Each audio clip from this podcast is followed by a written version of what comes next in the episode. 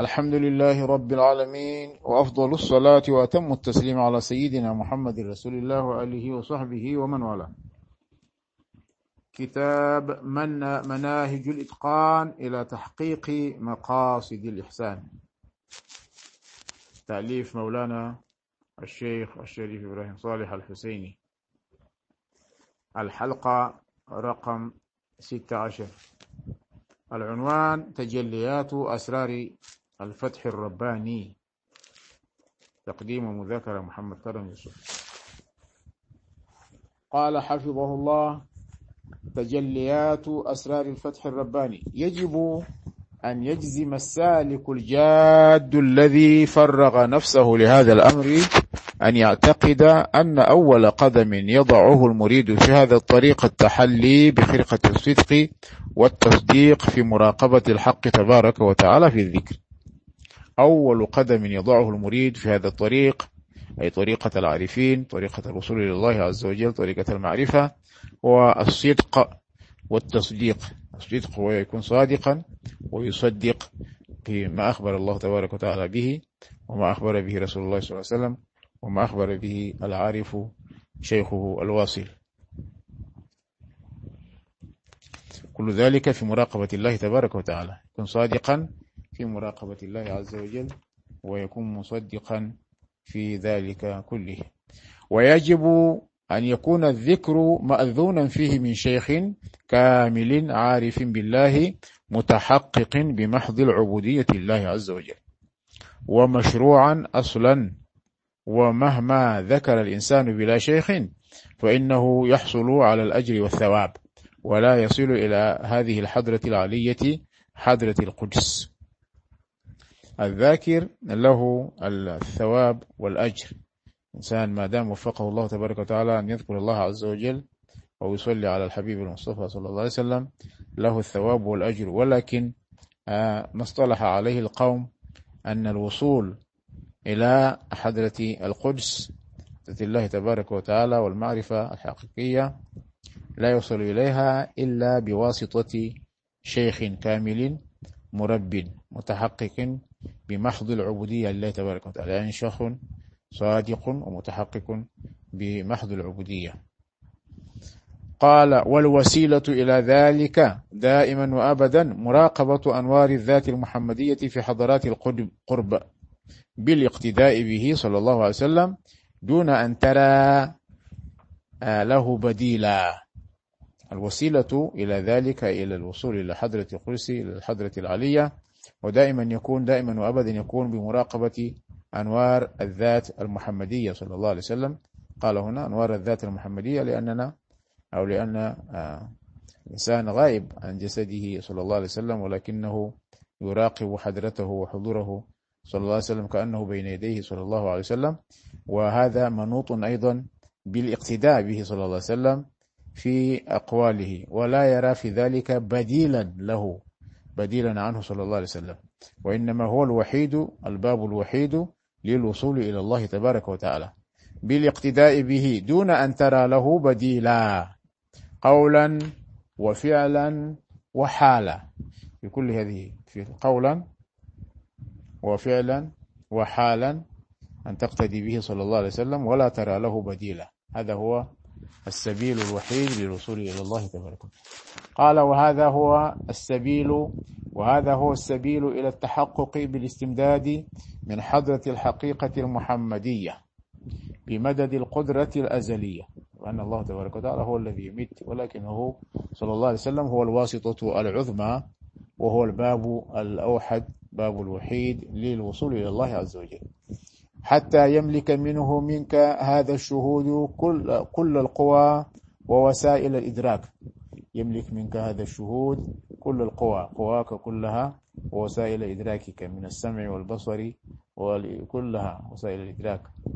ويكون اللسان لهجا بأجمع وأحصى صيغة تدل على ثناء على ثناء الذات على حبيبه عليه الصلاة والسلام.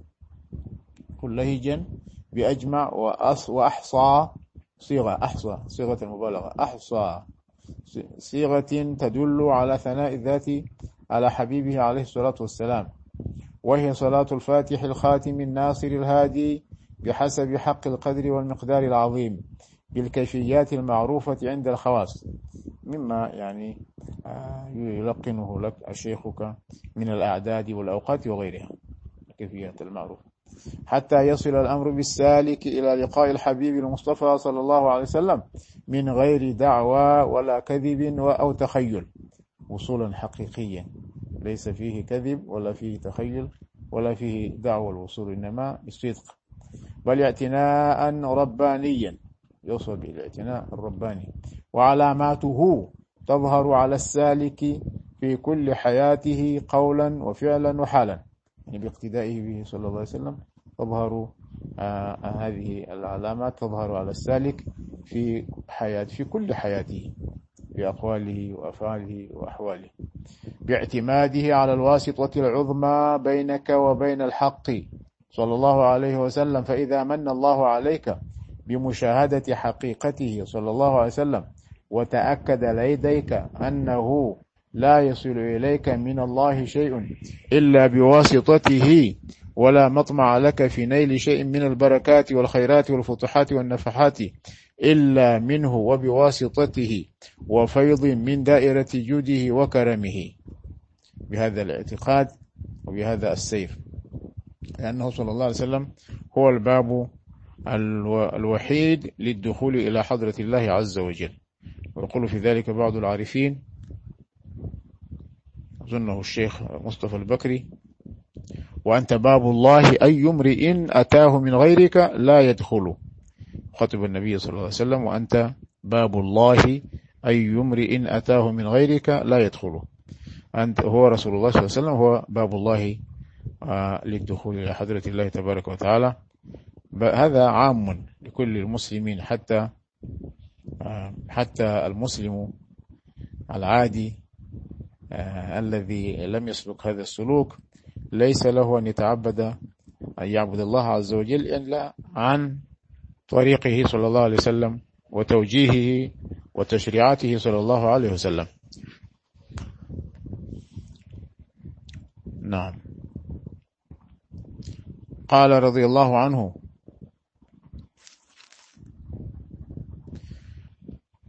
ولذلك فقد وقع وعند ذلك. فقد وقع فتحك وتم وصولك ونجاحك واشترطوا أن يتأدب المريد بأدابه ويلتزم متابعته. اشترطوا أي اشترط القوم والعارفون بالله أن يتأدب المريد بأدابه صلى الله عليه وسلم ويلتزم متابعته صلى الله عليه وسلم. وجعله هو قبلة وجهه وتوجهات قلبه. وبذلك يحصل الرضا من الله ويتحقق اعتناؤه بالعبد الذي هو المريد الصادق السالك. لا بد من التأدب بأدابه صلى الله عليه وسلم والتزام متابعته صلى الله عليه وسلم لأنه هو قبلة وجهه قبلة وجه المريد وتوجهات قلبه وبذلك يحصل إذا تأدب بأدابه والتزم متابعته صلى الله عليه وسلم يحصل الرضا من الله عز وجل ويتحقق اعتناء الله تبارك وتعالى بالعبد الذي هو المريد الصادق الذي يريد وجه الله عز وجل. كلمة المريد هي جاية من يعني كأنها مقتبسة أو مأخوذة من قوله تعالى واصبر نفسك مع الذين يدعون ربهم بالغداة والعشي يريدون وجهه يريدون وجه الله عز وجل بعبادتهم وأذكارهم وعكوفهم على باب الله عز وجل يريدون وجه الله عز وجل لا غيره.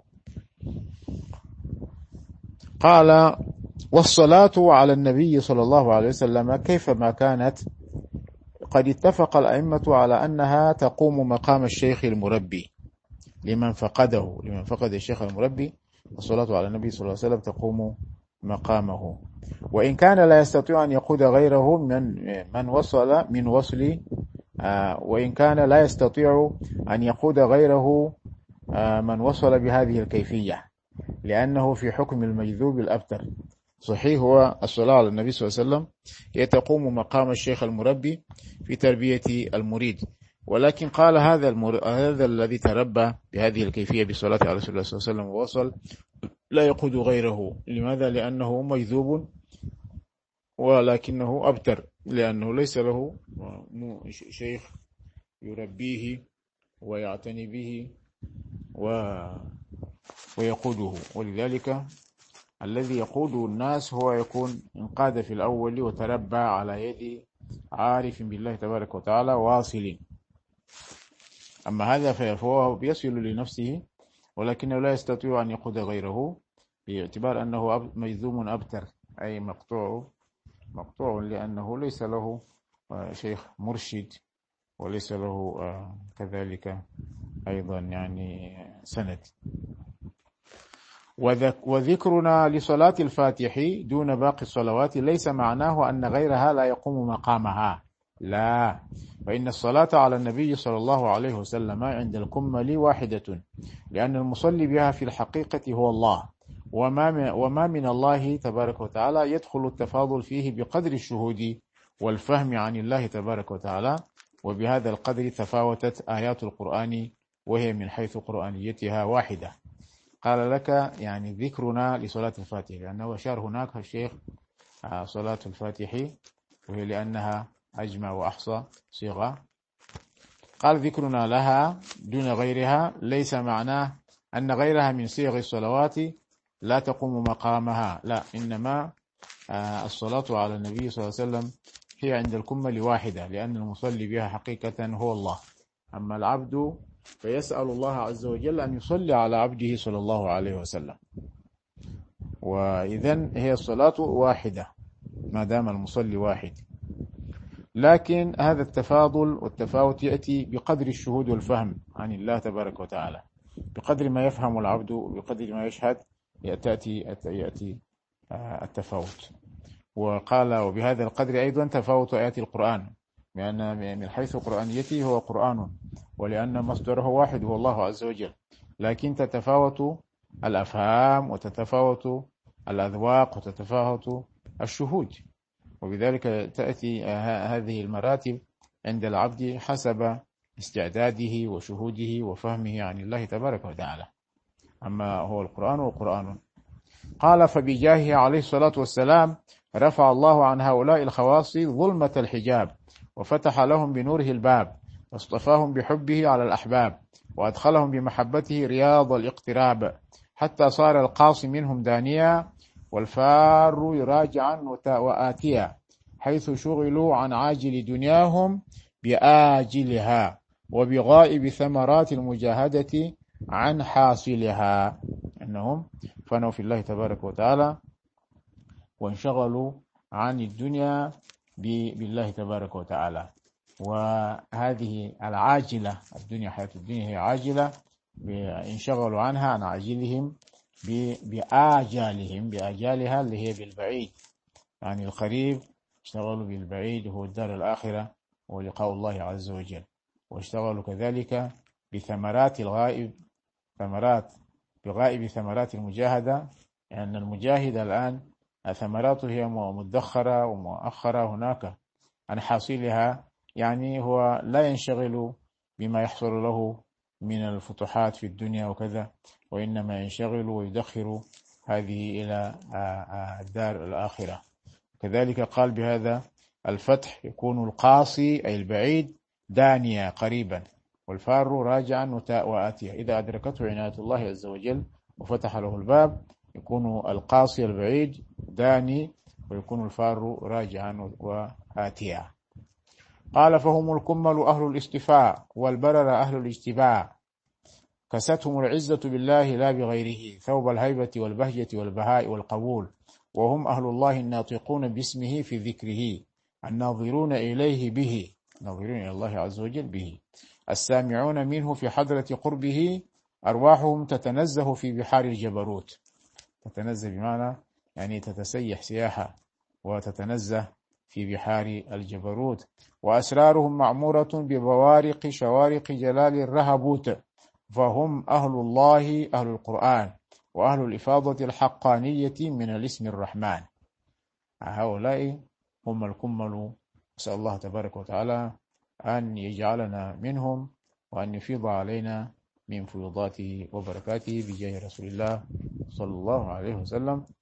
نواصل إن شاء الله تعالى.